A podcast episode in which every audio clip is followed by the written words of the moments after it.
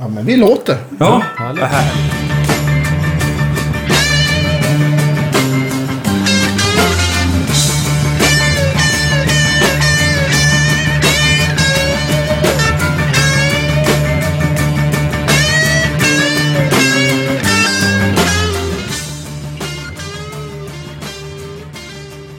Kör. Ja, Kör i vind. välkomna till Guitar Geeks podcast, mina damer och herrar idag. Vi Ja. eh, äran att eh, vara i mitt kök. Jajamän. Ja.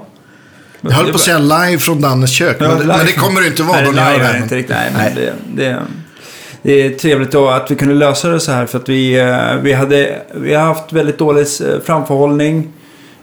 Min sambo tog en så här spontan semester och jag blev hemma med tvillingarna på ett år. Så att eh, jag Ja. kunde inte lämna dem bara hur som helst.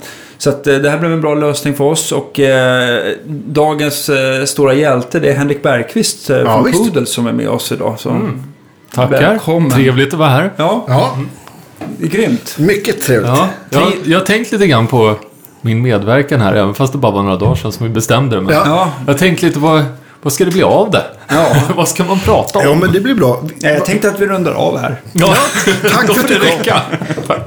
Nej då. Nej, men just att man kan ju, man kan ju när man har en gäst, då kan det, ju- det kan ju lätt bli liksom någon form av så här personlig historieskrivning. Ja, och och det så- finns väl inslag av det kanske? Ja, men så har det ju blivit. Och jag Ja. tyckte nästan att det blev mer så i början.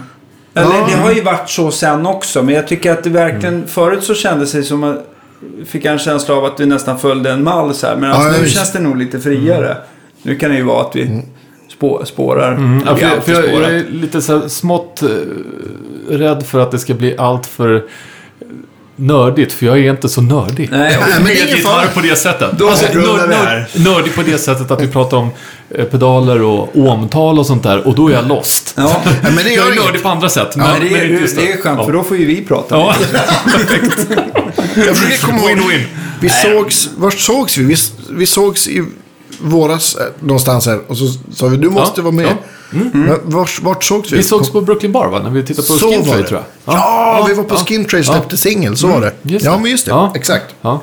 Nu. Exakt. Vi går lite parallella spåren. Så jag har sjutton inte fått till det att komma och kolla på er på Stampen som jag vill göra och sånt där. Och du vet, när ni Ja, kör ja. tisdagar där och så, har det inte blivit av att jag kommer dit. Så att jag... Ja, men det kommer fler. Ja, bra. Ja, det- Det får bli höst. Så det är lugnt. Ja, absolut. Men, men jag tänkte på, det är väl också en given gäst, tänker jag på Skin Trade där. Med Ja, ja, Bergström. absolut. Ja, men Bergström, de, ja. de ska ju släppa platta i höst, så att jag tänker att Vi det, vore, väntar. vi, det vore väl Vi en, en väntar och bra... får se vilken recension, vad recensionen säger. Det är det Nej, som får avgöra. Nej men, eh, men det får vi ju styra upp. Ja. Ja, jag tänkte det, jag vet att de, i och med att Hasse som spelar trummor där, Ja. även spelar i mitt band. Så, Just det. så tänker jag att det Ah, vore väl är det bra. Mm. viset? Ja. Så kan man väl tajma det till de ska släppa någon platta. Verkligen. Men du har väl ganska nyligt släppt med, med ditt band Prins Svart? Ja, precis. Ja. Det är det som är aktuellt för mig nu Ja. för tiden. Det är ju liksom eh, någon form av eh, mitt eget brainchild. Eh, Ja. som, som jag har kläckt tillsammans med mina gamla vapendragare eh, Sebastian Sippola och Thomas Thorberg och Stefan Berggren då. Ja. Eh, vi hade ett band på 90-talet och med jämna mellanrum så har vi spelat ihop sedan dess också. Och nu så så började vi på det här och jag hade idén om att vi skulle sjunga liksom på svenska. Eller att låtarna skulle vara på svenska. Men att det fortfarande skulle vara den där klassiska 70-tals hårdrocken då. Så det är det som har blivit Prins Svart. Ja. Eh, Och vi har ja, hunnit med två plattor på kort tid nu och Ja. håller på att jobba på tredje. Så att Ja, vi försöker hålla fart och kurs liksom Ja. eh, på det där. Och eh, se var det kan hamna. För att det är lite udda på ett sätt just med att det är på svenska.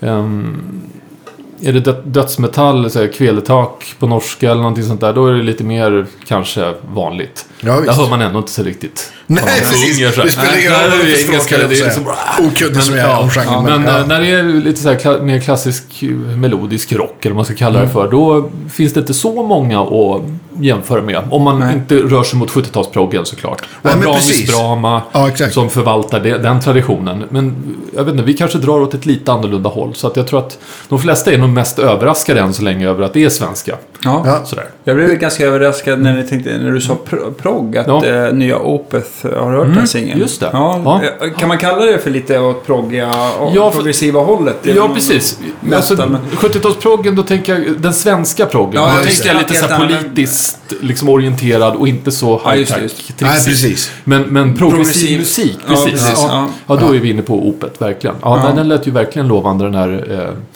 ja, handen vet vad hjärtat vill. Eller Ja, precis. Ja, jag har fått höra en del spår. Ja, de är ju- ja, det blir, Ja, de är, är en lång platta. Ja, ja, han har gjort den på både svenska och engelska, vad jag Ja. förstår. Så att, Men, men äh, åter till, äh, jag tänker på när du säger så här 70-tals Ja. ähm, rock och hårdrock sådär. Vilka, jag börjar ju tänka på alla de här stora Zeppelin och Black Sabbath och Ja. de där. Vilka, är det Ja. något band som du har haft liksom, ja, vil- vilket har du liksom gillat mest? Alltså Eh, måste jag välja ett band Ja. av alla de där, eller Ja. de som du nämnde, man kan Ja. ju nämna några till där Ja, i samma absolut. veva. ACDC, Ja. ja. det finns Kiss, Ja, fina till Precis. Ja. Ja. Min son har nått fram till Kiss nu. Nu har varvet glädje. gått runt liksom. Ja. Så nu, nu sitter han och kollar eh, Love It Loud och eh, ja, an- annat, andra klassiska spår. Men Led Zeppelin är väl kanske det bandet Just- som har haft störst betydelse för mig musikaliskt. Sådär när jag blev musikant. Ja. Alltså, man har ju en ungdomstid när man upptäcker ett instrument och börjar liksom nörda ner sig och försöker lista ut vad sjutton det handlar om. Mm. Men sen så... I alla fall för mig så var det så att när jag väl började spela med musikanter som... Eh, som gjorde att vi var mer ute och spelade helt enkelt. Eh, inte bara stod och repade utan var ute och spelade. Då hade Zeppelin och liksom 70-talsrocken en avgörande liksom, roll. Eh, innan dess så hade jag ju gått vägen som alla i min generation. Liksom lyssnat på Yngwie Malmsteen och eh, Kiss och Motley Crue och liksom alla de här banden som någonstans var 80-tals... Vad tror du att det var som gjorde att du fastnade för 70... 70-tals... Jag, jag tror att det var så här att jag märkte att ehm, allt jag gillade i Whitesnake och Motley Crue och alla de där banden. Det hörde jag i Led Zeppelin. Jag förstod plötsligt var det kom ifrån. Ja, visst. Så att eh, jag förstod ju, eller man, man kanske inte tänkte så mycket på varför man gillar saker men när man hör Still of the Night så tycker man vilken jävla låt. Och så, så hör man Kashmir och några andra Zeppelin-låtar så Ja, fattar man, jaha, det var ju det. Men med ett annat sound och lite annan leverans och framförande. Men då, och, och då kände jag bara att men det här är ju faktiskt ännu häftigare. Så Mm. Jag tycker fortfarande om White Snake och Still of the Night, det är inget snack om det. Och, Nej, visst. Men, men, men då, då kändes det som att jag gick kräftgång där och tillbaks. Och jag lyssnade på Blue Murder och John Sykes och tyckte Ja. det var ballt. Liksom. Ja, det är grymt. Ja. Eh, Och, och det var också sådär att det, förutom att det är väldigt mycket Lizzy såklart, så är det massa Zeppelin där också. Så att där, dit går det liksom alla vägar någonstans. Och om man väl är där i Zeppelinland, ja då kollar man in Peter Green och Fleetwood Mac och Ja, det som var samtida.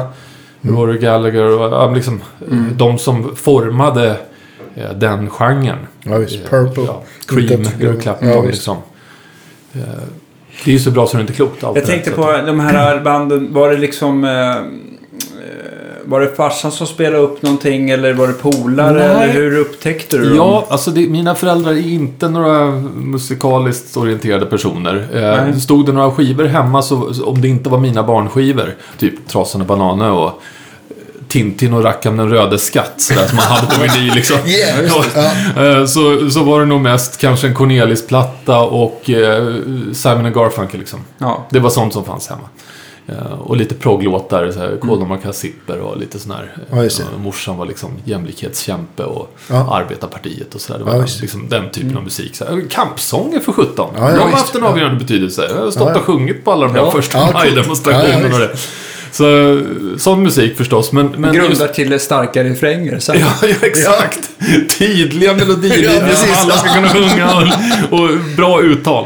Kanske därför jag håller på med svenska texter. Ja, det har jag inte tänkt på Ja. faktiskt. Äntligen Ja, Ja.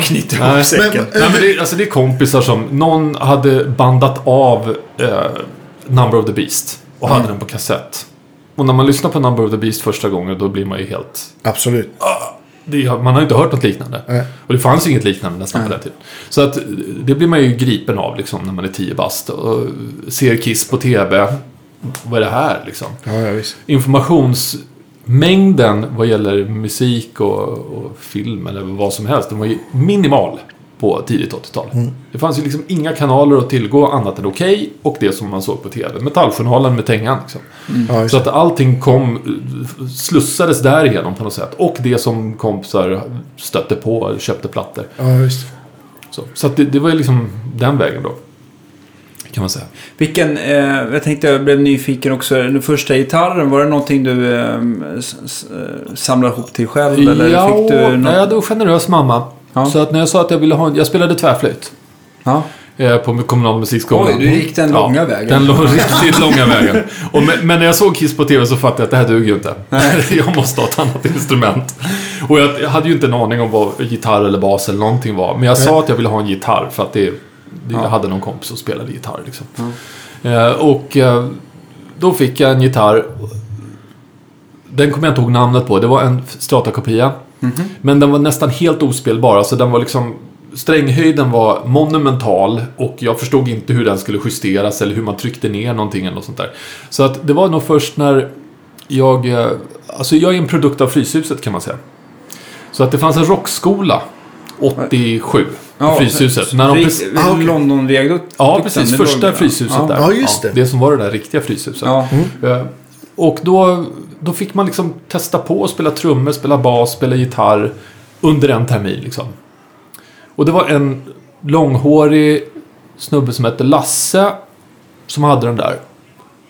Och så gick jag en termin där och tyckte att det var ju toppen. Mm. Vi spelade liksom Looks That Kill-riffet om och om igen i 40 minuter. liksom. Det var inga så här låtar eller något, utan det var bara för att alla skulle kunna hänga med bara. Liksom, sätt.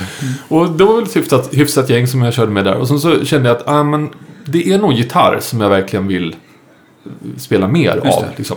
Och inte trummor. Det var inte så att Lasse där, att han, han bara, du kanske skulle bli gitarrist? Nej, eller, han men- sa nog ingenting. Han var en vänlig själ sådär Ja. som säkert gjorde lite ditten och datten. Liksom, Ja. bara sådär. Och han, ja, lite såhär hippiegubbe liksom. Som bara, ja, alla kan testa. och Det går bra att göra vad man vill. Så, Eh, så, Det är men, så det ska vara. Ja, Ja, precis. visst. Ja. Men och då, när jag väl fattade det, då sa jag till mamma att jag behöver en gitarr som går att spela på. Den här går inte liksom. Jag, måste ha, jag vill ha en. Och då hade jag sett... Ja, då hade jag ju sett Yngve. Uh, vänta, det här var inte 87, det måste ha varit 86. Ja. Var det då. 14 bast var jag. 86 då. Ja, Och det, då hade han väl släppt i alla fall ett par plattor? ja precis. Då hade han liksom kanske. slä- Jag hade ju hört... Alltså jag kommer ihåg när första plattan, Rising Force, var Ja. på baksidan av Okej. Och då var det någon polare som hade den där och hörde några spår. Men jag, det var lite för proggigt, tror jag. För lite sång, för lite liksom... Ja, det det flög över huvudet liksom. Ja, det var jag fattade inte riktigt det. Men så såg jag See the Light Tonight och liksom Marching Out-plattan. Den fattade jag. Ja. Ja, Och det blir den mer det 85? låtar. Ja. låtar. Även om Ja, jag, kan, jag vet inte om jag ska ranka någon högre eller lägre sådär. Men, men första plattan har ju alltid en, kanske någon speciell plats i ens hjärta. Ja. Men Marching jag- Out är ju grym. Jag hittade tillbaks till första plattan, tänker man säga, när jag väl fattade grejen sådär. Och, Ja. men det var lite via den liksom. Jag har att, tagit ut alla eh, solon från andra plattan. ja, har du gjort det? Nej, I wish I could. Ja. jag ska ju driva på sånt där. För jag är aldrig så. ja, jag vet inte vilka man pratar med. Det Ja, kanske är värsta IB-tekniken här. Ja, nej men... Eh, jo, men då hade jag sett en bild på Yngve. Där han hade en Aria Pro 2. Som var typ en Strata-aktig gitarr. Ja, men. Arias, den här japanska Precis. gitarren. Just det, han, hade väl någon han sponsorgrej liksom. spons där innan Fender ja, klev på. Innan Fender, Ja. precis. Och eh, den var ju överkomlig. Jag minns inte ens om vi kollade på Strator, men jag kan tänka mig att de var betydligt dyrare. Och en Aria Pro var liksom inom vår budget på något sätt. Så den, Ja. fick, den köpte mamma åt mig. Mm. Och Ja, den gick att spela på. Så att den använde jag. Och eh, en, hade i ja, ett par år i alla fall tror jag. Svårt att bedöma tid nu när jag tänker på det sådär kronologiskt när man köpte nästa gitarr. Men nästa gitarr sparade jag ihop till själv. Ja. Det var en Kramer Baretta. Yeah. Ja. Vilken färg. ja, den var så här skönt pärlemorfärgad som ändå reflekterade lite ljuset av omgivningen. Så den kunde vara lite grönaktig eller rödaktig Ja, beroende okej. på. Så. Ja, just det. Och det var inte den här runda formen på kroppen utan det var lite kantigare. Okej. Och så, så hade den en riktigt sån här hajhuvud liksom. Just det, inte det här runda huvudet liksom. Nej, Nej, inte bananen Nej. eh, utan Nej. lite vassare. Ja, men hette alltså Barettan hette den också American eller stod det något sånt? Ja, det kan den ha hetat kanske. Jag blev lite så här, jag hade min, jag har ju också ägt en sån Kramer. Mm, men ja. den var nog, jag har för mig att den var bara klassisk vit med Floyd och sånt där. Så Just det. Den, Jaha. Barettan, jag måste läsa på i min Kramer-bok. jag men, ja, lägger inte alltid sånt där, såna detaljer på minnet heller. Men det, alltså, det var en sån här amerikansk gjord. Den kostade nästan 10 000 spänn. Ja. Mm. Vilket jag tyckte var helt oerhört. hur man kunde betala 10 000 spänn för en gitarr. Ja. men, men jag skrapade ihop pengarna för att göra det och så köpte jag den och var väldigt nöjd med den. Sen så slutade det med att jag bytte halsen därför att jag gillade Vinnie Moore och han hade liksom en strata-hals. Jag ville ha ett annat. Jag ville inte ha Floyd Rose-stallet med stämskruvarna. Jag ville ha ett sånt där gammalt Floyd Ah, Rose. okej. Ja, så att man kunde hålla handen rakare. Jag hade liksom svårt att komma åt och spela på något vettigt okej. sätt där. Ja. Så jag gillade Floyd Rose men inte det där med låsbart. Liksom. Ja, då hade jag låsbara stämskruvar där uppe. Så jag höll på att tixa där och bytte. Jag lämnade in den liksom på Estrad som det hette då på den Ja. tiden. Men Eh, var mekaniker där då? Ja, vem var det? Alltså, David Märak var ju den som jag pratade med när jag Ja, gick in till Estrad. Han hjälpte mig med allting. Ja, varför inte? Nej. Och jag vet inte riktigt vem det var som satt och skruvade. Utan de... De hade en... Alltså det står helt... Eh, eh, jag har något... Men jag undrar om inte det är lite senare. Jag tänker... Eh, det var en så otroligt trevlig tekniker som satt nere i källaren. Som jag har för mig var, var tillsammans med Kempf. Eh, Mia Kempf. Ja, jag, det, det, jag Okej. kommer inte ihåg vad han heter Nej. i alla fall. Eh, Ja, just det. Man får fråga kanske så här Ludde. Butiken såg lite annorlunda ut då också. Ja, Jag precis. inte, Ja, var ju liksom inte... Även om de hade nedervåning så var inte det riktigt del av butiken så Ja, mycket. precis. jag Det var lite mer lagerkänsla. där. Ja, Ja, någonting exakt. sånt. Så att det var liksom där uppe man, jag kommer ihåg. Ja, mest. precis. Så att, Men David eh, chefar ju fint där uppe. Ja, han var jätterar. Han var verkligen hjälpsam. Och han var inte så många år äldre än mig. Men han var ju kanske 16-17 bast när jag började gå där. Typ 13-14 då. Ja. Eller 17-18, jag vet inte. Men, äh, nej, men väldigt tillmötesgående och uppmuntrande och snäll Mm. och sådär. Liksom, Mm. bara, om man behövde byta strängar så fick man hjälpa av Ja. honom med det. Liksom. Ja, Ifall det var så att man inte fattade hur det funkar, vilket jag inte gjorde vid en tidpunkt. Eh, inte varit så händig sådär. Men, eh, nej, men var var vi någonstans? Vi pratade om gi- gitarr och jo, Fryshuset då. Så att när jag väl hade den där arian, då Ja. skrev jag in mig på fortsättningskursen. Och då var det gitarr. Men var det typ kvällskurs då eller var det liksom? Ja, det var det. Det var kvällskurs en gång i veckan. Mm. Och eh, då var Janne Granvik där. Ah, Ah. nice. Han hade precis flyttat ner till Stockholm. Ja, just det. Och eh, han hade liksom Gitarr 2 som den hette eller vad det var. Ja. Och den kursen gick jag tillsammans med Leif Sundin faktiskt. Okej. Sångaren. Leif Ja, Sundin. man. Han var Så han superbra också- på gitarr redan då kan jag säga. Så han gick också för Granvik? Ja, gjorde han. En termin där. Ja. Eh, han hade liksom en... Inte BC Rich, men den var liksom lite så här cool. Han, det var ingen sån här Les Paul... Eh, Jag ser inte honom som. Busy Rich-kille. men- Nej, han, men det var inte riktigt en sån. Men alltså, jag kommer inte ihåg namnet på den. En sån där typisk 80-talsgitarr. Alltså, de hade ju såna i Hobbex-katalogen också. Men det var, var en Ja. bättre gitarr än det. Utan Ja. en bra gitarr liksom. Eh, men det var lite så här konstig form på den, kommer jag ihåg. Och jag kommer ihåg att han kunde spela på en gång. Medan jag kunde inte Dean spela. eller någon eh, tidig Kanske Ibanez någonting sånt. Ja, Ja, ja, men lite, lite Dimebag-aktig. Ja, Sådär, ja. liksom. Inte superkantig, men lite, lite Ja. spacad ändå. Ja, nej men eh, så att vi satt där fem pers eller någonting sånt där. Mm. Och så, så Janne pratade G-dur-skalor och eh, ackord. Och jag vet inte om han, han kom in på kvint, kvart och kvintcirkeln till och med. Alltså han var ju ganska teoretiskt orienterad från början. Okej. Ja. Så att det var inte bara så här, okej vilka riff vill ni lära er? Utan han hade liksom en plan för vad han ville att vi skulle lära oss. Mm. Och den skrev jag på fullt och helt. Jag tyckte Aha. det var helt skitbra. Jag förstod precis vad han liksom ville med alla olika saker. Så Ja, jag gick bara hem och övade. Hur var Liksom. han att ha som lärare förutom att han var liksom väldigt systematisk så? Då? Var han, var Alltså, han ju- sträng eller var han... eh, Ja, men han var, han var pedagogisk kan Ja, man säga. För han var tydlig nog för att alla skulle... Det blir, blir ju väldigt rätt, lätt eh, snackigt och alla vill sitta och spela hela tiden. Just. Nu var vi inte förstärkta. Det var ingen som var inkopplad sådär, utan vi satt med våra elgitarrer och det låter ju inte sådär jättemycket. Så Nej. man kan ju överrösta det. Det var ingen som hade en Marshall på fullt. Liksom. Ja. Eh, så.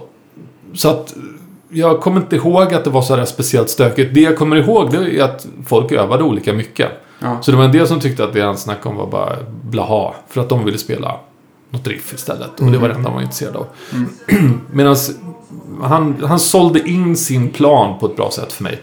Så att när kursen slutade så ville jag gå vidare. Ja. eh, Och lära mig mer utefter den planen. Liksom.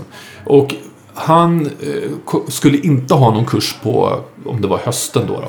Nej. Utan han sa det att om, om ni vill, fortsätta spela för mig så tar jag eh, privatelever. Så att jag fortsatte att liksom vara Ja, som privatelev då. Just för honom. På Odengatan där, där han bodde. Ja. Ehm, så. Och det, alltså Janne, Jannes betydelse för mig som musikant och för att överhuvudtaget komma in och förstå mig på musik eh, kan inte överskattas. Han var väldigt inflytelserik liksom. Och jag, Ja, det är väldigt, samma för mig. Och, Ja. och, Ja, man väldigt mycket- rörd till tårar. Ja, nej, men jag har mycket att tacka Janne för. Liksom, och han har... Eh, det, det är en kombination av grejer, men, men jag tänker att i den åldern när jag var liksom 14 bast, då är allting i gungning. Alltså man har precis kommit in i puberteten Ja, och så ska man gå i gymnasiet. Vad fasen ska man göra för någonting? Eh, Jag är uppvuxen ute i Saltsjöbaden där ingen höll på med musik och man var konstig om man hade långt hår. Alltså det var, det var så mycket som var i kontrast mot den världen som Janne representerade. Ja, ja visst. Han kommer från Haparanda, han hade spelat med en massa hårdrocksband och han kunde ju spela som ett... Han kunde ju spela som Yngve tyckte jag. Jag såg ingen skillnad på det. Det var ju bara sån brutal teknik liksom. Ja. Jag förstod inte ens hur någon kunde spela så. Som var svensk. alltså Malmsten var ju svensk, men han bodde ju inte i Sverige. nej, så han var liksom... Men jag, inte. Jag förstod inte, alltså. eh, Jag pratat ganska mycket med, Ja. med, med Janne eftersom eh, han och min mamma var, var liksom grannar. då. Så Okej. jag träffade han mycket. Jag har inte tagit alls lika många lektioner Nej. som du har. Men man liksom har ju pratat mycket. Han pratade om att det var ju så här. Alltså det var ju nära att det skulle liksom verkligen breaka för han och Gloria också. Ja, vilket kanske Ja. gjorde på sätt och vis på första plattan. Men inte alls på långa vägar som Yngve. Men Nej. det var ju, han, han, Ja. han var ju med Ja, visst. den där racet. Att vi kunde inte, ska jag inte säga, man ska, jag tror Yngve hade blivit stor ändå. Men det hade liksom kunnat Mm. Verkligen lossnat för Ja, honom visst. med. Ja, Han var ju på den nivån. Liksom. Ja, exakt. Och, eh, men, men alltså, det som jag var ute efter där med, liksom när en 14-åring eh, träffar någon som Janne som på något sätt då lyckas foga ihop det här med att lära sig om musik och att ta det på allvar. Ja, visst. Att det är någonting som är applicerbart på livet i övrigt.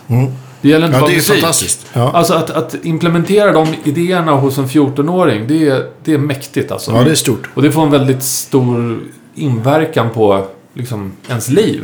Ja. När man... Alltså att vara 14 bast och att någon för det första tar en på allvar. Och försöker förmedla någonting som har ett genuint värde liksom. Det, det var bara perfekt väg för mig. För att för min del, jag kan liksom inte sätta mig själv och bara lista ut hur grejer funkar. Så har det aldrig funkat. Jag behöver instruktioner liksom. Jag är väldigt så, analytiskt orienterad, så här, tänkande musikant så. Men jag har liksom ingen riktig begåvning. Alltså det är inte så, här så att det bara ger sig. Som jag har haft kompisar som det har gett sig för. En, en kompis ute i Saltis som heter Kalle von Schönberg som ni kanske till och med har sett spela för att han är en jättefin Ja, gitarrist och ja, eh, spelat med... Eh, eh, vad heter han? Eh, Rickard. Ja, precis. Och eh, Gustav Karlöv Ja, som spelar keyboard. Som, han har, vad sjutton heter det där bandet? Jag tänkte Ja, att jag skulle, still här. jag skulle inte ha sån afasi när jag kom hit, men nu slog den till. Ja, hur som helst. Ja, men en jättefin musikant. Han gick i Skurup, tror jag. Ja. På folkhögskolan där och liksom spelade jazz och... Jag, jag kan inte... Alltså, det är möjligt att han hade... Han har liksom- nog övat jävligt mycket också. han har övat massor. Men han, jag tror att han liksom bara övade ut efter hur han ville att det skulle låta. Ja, Jag tror aldrig han har tagit några lektioner annat. Det är klart att han har fått lektioner i Skurup och liksom på olika nivåer så. Men när vi var 14 bast och växte upp i Saltis, vi liksom bodde grannar. Han kunde liksom spela en bra blues redan då, 14 bast. Han hade timing, han visste vad en pentaskala var. Han hade liksom, ja men han hade alla sådana där grejer på plats. Jag fattade inte någonting av det där liksom. Och förstod väl kanske lite mer då efter ett tag efter att jag hade eh, jobbat med Janne och sådär liksom. Men vi gick olika vägar. Och den, Ja, den vägen som jag behövde gå, den, den var via att ha någon som liksom vägledde då. Och Janne var perfekt för det. Men han är så himla övertygande Ja. Janne också. Ja. Sådär. Man, eh, även om jag liksom så här... Eh, jag kommer ihåg att han alltid liksom så här tjatade med vissa te- tekniska grejer. Att alltid... Eh, han var väl, jag vet inte om han var så för dig, men det Mm. måste han nästan ha varit. Att just det här all, alltid spela med tummen bakom halsen Mm. som pincettgreppet. Mer än att man lägger, man lägger liksom inte tummen över, över, över, över kanten liksom på greppbrädan. Precis. Och, eh, Sen så insåg man att, eh, menar, han hade så tydliga idéer om hur man ska Ja. spela gitarr Ja. liksom och sånt där. Och Ja. det funkar svinbra för honom. Men sen så lär man sig väl efter ett tag att vissa grejer, precis som du sa innan, passar en och andra passar inte. Nej, liksom, beroende precis. på man ska göra. Och jag, jag tror framförallt att den här nitiskheten med teknik. Det, Jag tror att han hade den här ganska bra idén av att lär dig inte fel från början för du måste i slutändan göra om det. Ja, för visst. att komma... Alltså, om, om du lär in helt fel teknik som hindrar dig från att spela de grejer som du vill spela. Ja. Och i och för sig så kanske det hade mer med fart och flärd att Ja. göra sådär i, i det tänket att, att man skulle ha en perfekt handposition liksom Mm. på halsen.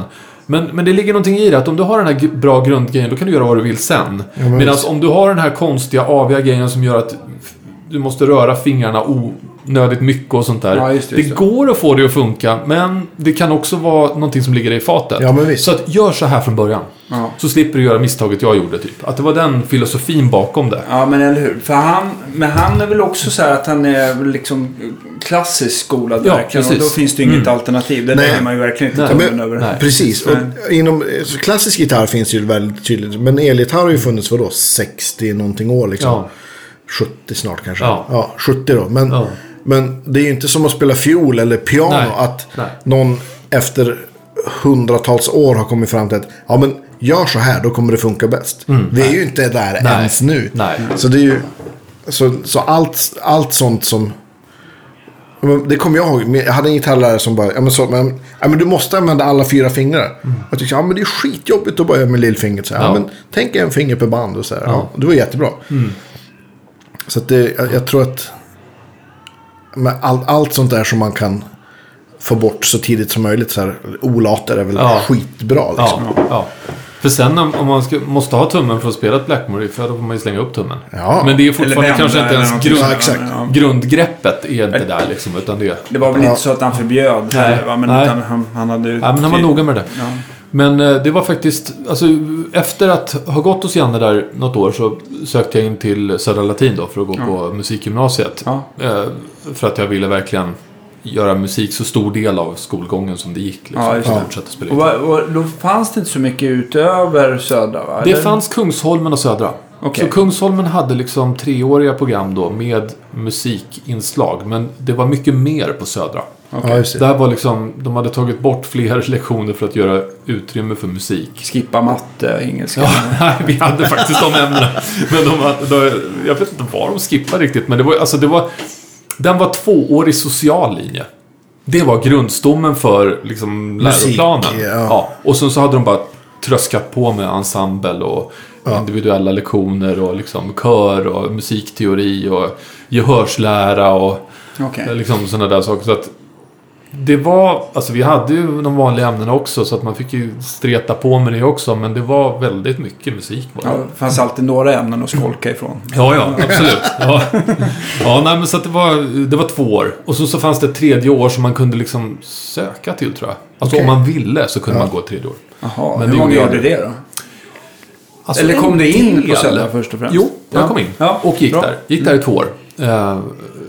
Faktiskt tillsammans med Max Martin och Okej. eh, Claes Åhlund, bland annat. Har gått om man, helt okej. om man, ja, ja, nej, men det var, det var, in, de gick inte i min klass, de gick i parallellklassen. Det var två klasser per okej, år. Då. Ja. Så att de gick i samma klass. Peter Jöback gick i den klassen Ja. också. Och eh, ett år över mig så gick Lina Nyberg, jazzsångerskan. Ja, och eh, sen så hade jag i min klass hade jag en klassisk gitarrist som heter Jakob Henriquez. Som, om, nu har jag inte kollat upp så här på senast, senare år om det här fortfarande stämmer. Men han gick diplomprogrammet på Musikhögskolan, solist. Okej. Och den enda andra som har gjort det är tydligen Per Skaräng. Så att Jakob och Per Skaräng är de enda som har gått diplom på gitarr. Okej. Därför att när man har gått solistprogrammet på, på Musikhögskolan på klassiskt instrument. Om man ska söka diplom, då tävlar de mot alla violinister, pianister, sångerskor, Ah, okej, det är inte per allihopa. instrument. Nej. Och så, så väljer de en. Ja. Ja, då är man Så skarp. det, alltså det, då är man heavy duty om man Ja. kommer in på diplomprogrammet där. Och så, så vet jag inte om det är två år eller tre år eller hur lång, hur lång tid Ja. diplom är. Och han var ju brutal redan då alltså. Ja. Så här, 16 bast gammal så spelade han Bach liksom. På klassisk gitarr. Eh, Och kom in på Musikhögskolan direkt efter gymnasiet. Liksom. Två år där och så, så bara raka vägen in på Ackis. Liksom. Så att eh, det fanns en del begåvade Ja, eh, ungdomar på, på det där programmet. Eh, vad kul. Det måste ju ha varit väldigt sporrande också. Ja, och det var väldigt... Eh, också en sån där förändrande upplevelse när man kommer ifrån Saltis. Där allting är väldigt konformitetstänk. Liksom. Ja. Alla ska ha samma kläder, samma skor och man, det är väldigt så här, kontrollerat. Och så kommer man till Södra Latin på Söder. Alltså om man inte ser annorlunda ut där, då har man gjort något fel. Alltså det är så här maximal mångfald. Ja, Men såg liksom. du inte annorlunda ut med, med saltiskläderna på då? Jag har jag kanske varit annorlunda ändå bara för att jag kom till ett nytt sammanhang. Men just det där att mötas av det där där man bara... Va? Vad är det här för ställe liksom? Ja. Vad är det där för en mössa? liksom. Eh, när man aldrig har sett det förut. Ja. Det är väldigt uh, Det, det, det, jag vet inte hur det är idag, men det framgick väl då som en lite flummigare gymnasie. Ja, jo precis. Och jag, tror att, Överlag kanske, eller? jag tror att det hade det ryktet för, framförallt på 70-talet. Ja. Och så, så stramar de till det lite grann på 80-talet kanske. Så att Det tror jag Det är möjligt att det fanns element av det, men alla var otroligt hängivna. Och dedikerade. Alltså folk jobbade ju hårt. Liksom. Det var Vem hade du om som gitarrlärare då? Eh, Thomas Wikström hette han. Just det. Ja, men han är ju Ja. legend. Ja, och han... Han, han gick i pension i år, vet Var jag. det så? Ja. Han har ju typ haft alla. ja. Och en annan som nu när vi pratar om gitarr då, som också gick min parallellklass tillsammans med Claes där, det var Johan Lindström. Ah. Och han gick ju inte av för hacker heller. Nej. Alltså det var så här på den nivån att Höddi hette vår jazzensemblelärare, en isländsk basist. Ja. Så skulle vi spela So What eller någon annan bok ur standard, liksom kanonen av jazzlåtarna och sådana Miles Davis eller något. Om Höddy satt och liksom kompade på pianot, då kunde Johan i realtid säga vilka ackord han spelade i tonart. Så det var så här. Bäst 13 minus 9. Ja, du vet så här bara nämna. Det var helt jävla sjukt. Jag fattade inte ens vad de pratade om. Det var bara så här. Du vet, spela in time och han kunde bara säga ackorden rakt av. Det var helt, helt out of this world alltså. Han är från en annan planet. Alltså det var helt sjukt liksom. Han, ja. Fan vad sjukt. ja. Vilket jag- var, så jag, ja. Man fattar liksom att ja, det där är en helt annan liga. Det, det är, han kunde liksom nynna sig igenom Pat Metheny-solon. Du vet, på tunnelbanan hem. Det var bara, Ja. okej. Ja. Så jag ville bli med Malmsten 2, men han hade ett annat sikte. Men hur, hur teknisk var Johan då? För han liksom... Även om han är så här brutalt jävla skicklig musiker så är det inte Mm. Ja. så där att man är, han är känd för sin Nej. ekvili, ekvilibristiska Nej. sh- shred. Nej, liksom. och ja, han hade väl ingen sp- speciell teknik att tala om tror jag. Sådär. Han, det var bara så att allt han spelade lät Musik. bra. Ja, visst. Ja. Helt grymt bra. Ja. Och eh, liksom timing och sådana saker, det är liksom city bara liksom. Ja. Det har aldrig varit något problem. Och så dessutom att ha den typen av förståelse för musik. Det är så tidigt. Det var ju liksom helt unikt. Jag menar, det fanns några eh, vassa katter liksom som spelade på piano och sådär också. Men han kunde spela med vem som helst. Mm. Han spelar ju alltid med äldre, såklart. Ja. För de såg ju bara att du, hoppa in här liksom. Ja, ja, visst. Han hade någon Ibanez häck. Liksom. Det var ingen sån här fin gitarr eller någonting. Utan det var en Ibanez liksom som han spelade på. Ja. Fick till liksom allting. Så att, eh, men som sagt, de, de gick ju parallellklassen där och vi träffades ju på jazzensemble och sådär. Ja, men jag har ju justerat Johans gitarrer ibland. Mm. Okej. Eh, ja, han har Mm. kommit, kommit in Ja. och det är liksom... Eh, har varit, eh, strängarna har sett eh, sitt eh, bästa datum. och, och, och stränghöjden kan vara och Mm. ojusterad trassrond Mm. sådär. Så att det är riktigt Mm. så här. Ja. Shit bara. Fan. kan- Ja, du vill spela så här? Ja. Liksom. Man står och nickar lite Ja. imponerande. Ja, så. ja. Nej, men du får justera. Det spelar ingen roll. Nej, nej. Ja, Men jag har för mig att han, man kunde hitta hans gitarr bara i korridoren. Den bara låg där liksom. Ja. Han hade inte lagt in den i caset eller någonting. Och man säger, där är Johans gitarr, okej. Ja. Perfekt. Ja. Men det är lite fint tycker jag. Ja. Någon gång så hade han varit ute och åkt, upp och åkt skidor tror jag på sportlovet typ. Så kom han hem med båda händerna i gips. Så han hade på något sätt antagligen vurpat och tagit emot. Så, så, Au. så båda händerna var ju liksom i cast. Så skulle han spela gitarr med det där. Han hade gått skolan och skulle spela gitarr med de gipsade händerna i alla fall. Då- Och tvungen att bända av någon bit av gipset så han skulle kunna hålla i plektrumet. Åh, liksom. Spelar fortfarande bättre än alla. Nej, men han var, han var unik. Och det, Men då han blev så bra på slide. ja, exakt. Ja, ja. kanske. Ja. Ja. Ja, han har väl någon som har utmärkt sig som pedalkung. Ja, verkligen. Mm. Nej, men så det var, det var ett musikaliskt gäng som man som man gick med där. Ja, grymt. Alltså. Och Verkligen. det var två fina år. Men efter det så, så... Och det här var väl också lite ett arv av Janne kanske. Att eh, han föreslog att jag skulle söka till Kappelsberg. Eh, och gå och spela klassisk gitarr för Ronny Svensson där uppe då. Som han hade... Ja, just det. Var det, han, var det han som, eh, som eh, spelar lite på eh, vissa så här god kväll men är, var nästan mer intresserad av re, eh, älgjakten än att spela Ja, gitarr? nej, det var faktiskt... Det var ju, det var ju Sundsvallsgubben Ja, där. Kjell Sundling. Kjell? Sundling, ja, Ja. precis. Yes. Ja, Jag försökte få lektioner av honom, men han, hade, han ville inte ge lektioner. Ja. Jag åkte ner till Sundsvall från Härnösand för att fråga om jag kunde... För då, då skulle jag ha som ett biinstrument där uppe. Jag Ja, spelade det, klassisk gitarr som huvudinstrument och så skulle jag få spela elgitarr som biinstrument. Ja. Instrument. Och då åkte jag ner till Sundsvall och gick på någon jazzklubb där nere. Och kollade på att han skulle... Jag och en kompis åkte ner. Det är ju bara en timme liksom, eller Ja, just det. 50 minuter. Så åkte vi ner dit och så, så satt han där och mm, spelade lite grann med några, något trio på något lite halvsunkigt ställe. Så, så efteråt gick jag fram sådär och sa vem jag var och undrade ifall han gav lektioner. Och sa det här, inte något mer. Liksom, du skulle kommit för några år sedan men nej, jag har andra grejer att göra nu. Liksom. så att det vart inget. Men eh, jag gjorde ett försök då. Ja. Eh, så, för att Jan hade ju berättat om honom. Han hade ju väldigt respekt för eh, Kjell där. ja, men lite så här. Så, han Ja. hade lite samma talang som, som eh, Johan Lindström hade där med. Ja, det är möjligt. Alltså det, jag, jag såg ju honom bara spela i det där enda sammanhanget och det var lite så här konstig konstellation. Och jag, jag har inte hört honom spela in no, någon inspelning med Kjell heller. Nej, Så jag nej vet men det inte var, bara, det var bara Janne som Ja. sa så här att han kunde ta... Ja, Alltså han var vänd emot, jag tror att vi pratade om det Ja. i det Ja, avsnittet. Men alltså att han var vänd emot eh, Kjell och Ja. skulle bara ta, ta något Ja. ackord liksom. mm, Och så försökte han liksom Ja. sätta fingrarna så konstigt Ja, det var. ja, ja. Det var inte så där att han bara skulle liksom arpeggio ta ut Nej, eller någonting. nej. Så bara snabbt, mm, rätt. mm. Och sen så bara inte liksom, det var bara liksom direkt efter. Ja. Så spelade Ja. han Ja, men jag samma kan tänka... Det är ju kan- sjukt. Ja. Han, Aldrig han, fel. han hade säkert en eh, exceptionell eh, förmåga där Kjell. Men jag, som sagt, jag fick aldrig liksom något riktigt samröre med honom. Nej. Men Ronny Svensson som var på klassisk gitarr där Ja. uppe var ju väldigt... Eh, Och Janne hade gått för honom också. Ja, eller? det hade han Ja. faktiskt.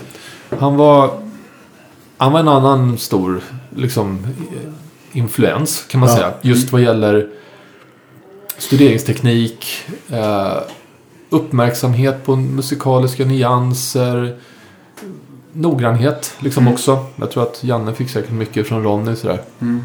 Liksom hur man, skillnaden på hur man slår an strängen och sådana saker. Alltså allt räknas när man spelar klassisk gitarr. Det är ju helt Allt sjukt. hörs. Allt hörs. Ja, och allt räknas. Ja. Och liksom, man ägnar många timmar åt att lista ut om det är tvåan eller trean i, liksom, för att föra melodigången så att den är obruten samtidigt som basen går och sådär.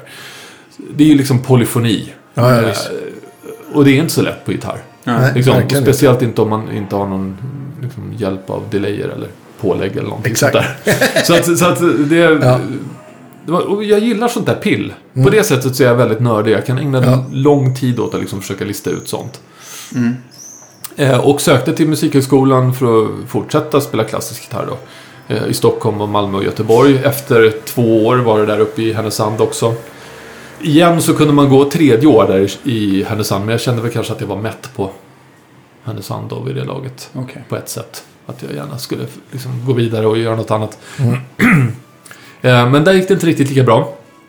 Eh, För att söka in till Musikhögskolan. Där är ju konkurrensen än hårdare. Ja, visst. Eh, och så. Och efter det så kände jag nog liksom att... Eh, jag spelade med i ett hårdrocksband som heter Fortune då också. Mm. Parallellt med det där. Var det med Stefan och... Det var faktiskt innan. Okej. Det, var, det här var med... Eh, ja, jag vet inte. Det är Benny Söderberg och Janne Lund och från början så hade vi en trummis som hette Thomas Haukelatti. Men det var med Fortune som jag träffade Sebba. Okej. Som jag spelar med eh, sen dess liksom. Just. Så att vi spelade in tre plattor faktiskt eh, på ett bolag som Christer Vedin hade då. Och han var ju A&R på Elektra hette det väl som hade Glory. Ja. Han var ju kompis med Janne och Ja, de var liksom del av ett gäng där på något sätt. Säkert så här, Janne eh, talar ju gott om... Ja, Ja, precis. Nej, men jag tror att det var Janne som sa då till Janne och Benny som hade det här bandet Fortune. Och sa Mm. det att jag har en elev, Henrik här, som, som skulle behöva spela i ett band. Mm. Så att testa honom. ja Och då satt vi liksom mest... Vi repade inte så mycket med det bandet. Nej. Utan vi satt mest och spelade in liksom på en sån här gammal Akai digital Ja, eller porta. Liksom, en Ja. massiv jätteporta med Ja. videoband typ som man spelar in på. Ja, just Hur det. bra blev resultatet? Av, på, av Alltså, demoinspelningen eller? ljud, ljudkvaliteten tänkte jag på. Alltså de vart hyfsade de där. Det- Alltså den lät okej den där kajen faktiskt. Ja. Den hade liksom bra kanaler och... och Och bra preamps liksom. Ja. Den, Finns det det var, ju- den var ju inte helt så här superpålitlig. Ibland så hängde sig den jävla luckan och de var ju tvungna att lämna in den på service. Liksom. Så det, var, det var ju saker som kunde hända. Men när den funkade, då lät det bra. Vi, Finns det på Spotify och sånt idag? ja, alltså de, de plattorna? plattorna som vi spelade in, de spelades ju inte in på, på Akajen då, utan då spelade vi in i riktig Nej, jag studio. det var bara som en förproduktion. Ja, precis, som en förproduktion. En demo. Ja. Nej, men så att... eh, Så, så att det var mitt första band liksom. Eh, Men som sagt, vi var inte ute och spelade så mycket för vi repade inte så mycket. Utan vi, Nej. vi, ja, vi repade för att spela in kan Ja, man säga. Så. Så att vi Eh. var... Som, som vi brukar be våra gäster. Du Ja. får jättegärna göra en Spotify-lista med, Ja, okej. med allt, allt det här. Det är ju skitkul alltså. Ja, ja, okej. Ja, nej, absolut. Det ska jag tänka på om man ska inkludera det då. Nu har du sagt det så nu Ja, kommer ja, folk lyssna på det Ja, oavsett. ja, ja, ja. Nej, men det är kul. Ja, nej men så att det var, det, var, det var lite parallellt på slutet med Kappelsberg så var det det där med att vi skulle spela in liksom kanske en platta då med Ja. hårdrocksbandet och då flyttades fokus lite grann och jag vet inte om ni har haft den känslan själva ifall man har liksom verkligen hängett sig åt en sak helt och hållet. Jo då. Om man inte kan bibehålla den hängivenheten då tappar den grejen i värde snabbt. Ja, ja, visst. Därför att man känner sig att ja, men om inte jag har fem timmar om dagen att öva på det här, då kommer jag bara bli sämre och sämre och sämre. För att det är det som krävs för att gå vidare. Har jag inte de timmarna att öva så kommer jag inte bli bättre. Nej. Och det är liksom, det måste jag bli om jag ska fortsätta spela. Klassisk gitarr är ju lite som att spela trumpet. Man måste ju öva bara för att bibehålla ton. Ja, Liksom. precis.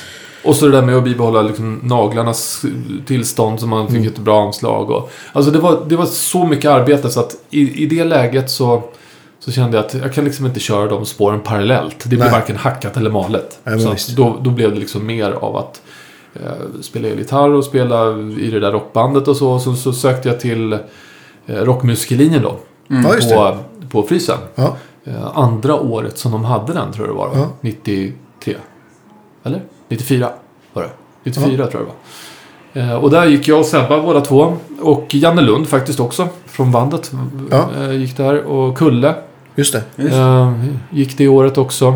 Och även Stefan Berggren då. Som, Just det. Som, Ja, för då tog jag lektioner från Kulle där. Ja, Eh, okej. då, hade, då hade jag känt... Hur gammal kan han ha varit då? ja, han är 72 så att han måste ha varit 22 bast. Ja, det är någonstans där. Mm. Så någon, eh, nej, ja. Ja, och eh, även Jocke Backman faktiskt gick där. Just det. ja, Gick där samtidigt. Och han har ju gjort ett namn för sig själv. Liksom. Absolut. verkligen. Eh, Han är också en sån här gäst som vi skulle... Det ja. nämnde vi bara för Ja. något avsnitt sedan. tror Ja, jag. Ja. precis. Men han Ja. bor i Örebro. Han får Ja. flytta... Nej, vi får... Vi Ja, får han spelade lika bra då också på den tiden. Ja. Ja, precis lika bra. Ja, Det var, allting lät skitbra. grymt. Så Första att, eh, kontakten jag hade med Jocke Backman det var att han hade sin förstärkare inlämnad på LH Musik och Audio. Så tyckte jag, vad fan det lät så jävla bra. Var det en Vibrolux? Ja, okej. Och då hade han bytt eh, högtalarna till eh, Alnico Gold 10 Och sen dess började vi prata. Okej. ja, så, ja. Ja. just det. Men vilket gäng. Det är ju, Ja. all, alla du gick med håller ju på. ja. Det var, det var idel musikanter som, Ja. som... Alltså det var spännande att de ens hade en sån utbildning som var Ja. eftergymnasial. Liksom, och väldigt praktiskt orienterad. Mm. Robban Wirensjö var ju med. Eh, då han är ju liksom högsta hönset där fortfarande väl? Ja, jag tror att har den. räckt Ja, fortfarande. ja. Ja. Eh, och eh, så, så hade jag Robban på gitarr. Vad sjutton hette han? Östlund. Va? Robert Östlund. Ja, precis. Ja. var det väl. Uh, fasen, nu kommer jag inte ihåg hans efternamn, men det måste det ha varit. Jo, men, Han var ju där i flera år jo, i alla fall. precis. Ja. Han, han och Hasse, hette han Hasse Johansson eller? Hade ju den här FUS-kolumnerna i tidningen FUS. Jo, jo, men precis. Gitarrtidningen Ja, FUS. men exakt. Ja, det var Ja. han Robban. Ja, De borde vi också ha som gäster. ja. Ja, ja. Sidospår ja han Folk, var... folk frågar hela tiden så här, men det kommer, kommer det inte ta slut snart med det? Det tar Nej, aldrig slut. Det kommer aldrig ta slut. Nej, det är Gitarrismen är oändlig. Ja, ja. Det är mycket som Exakt. Den är oändlig. Det är som en hydra. Ja, precis. Ja. ja, nej, och så, så var det en snubbe som hette Ingmar som jag inte kommer ihåg namn, efternamnet på som var bara väldigt... Alltså alla var väldigt så här, professionella, kunniga, erfarna. Det var ett bra gäng liksom. Ja. Sen så var ju utbildningen väldigt ny så att det var fortfarande lite så här gungfly liksom med Ja. hur, hur den strukturen kanske skulle bli i slutändan då. Men väldigt bra tid. Ett bra år. Mm. Eh, skönt att hänga med folk som är liksom tänker och jobbar som man själv vill liksom. Ja, men visst. Både lärare och, och eh, de som går med en. Sådär.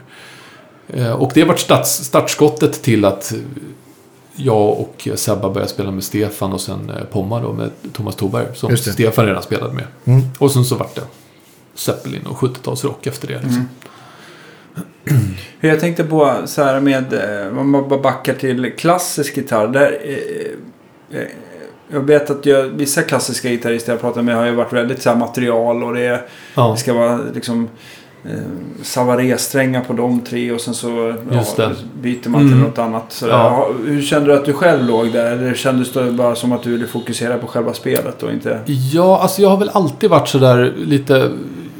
Jag ser till att fixa så mycket som behövs för att det ska funka och sen är jag nöjd. Ja. Så att jag har väldigt sådär låg strävansnivå efter att ta det vidare liksom när jag väl känner att jag har en setup som funkar. Och det där gäller min utrustning nu idag också. Mm. Jag spelar på samma kombo som jag spelar på sedan 96. If it ain't att den- broke, don't fix it. Nej men det är bara så, jag har alltid gillat ljudet med den. Och Vil- den är superrobust och behändig. Alltså det är en Blues DeVille. Ja. 60-wattare, sån här 410.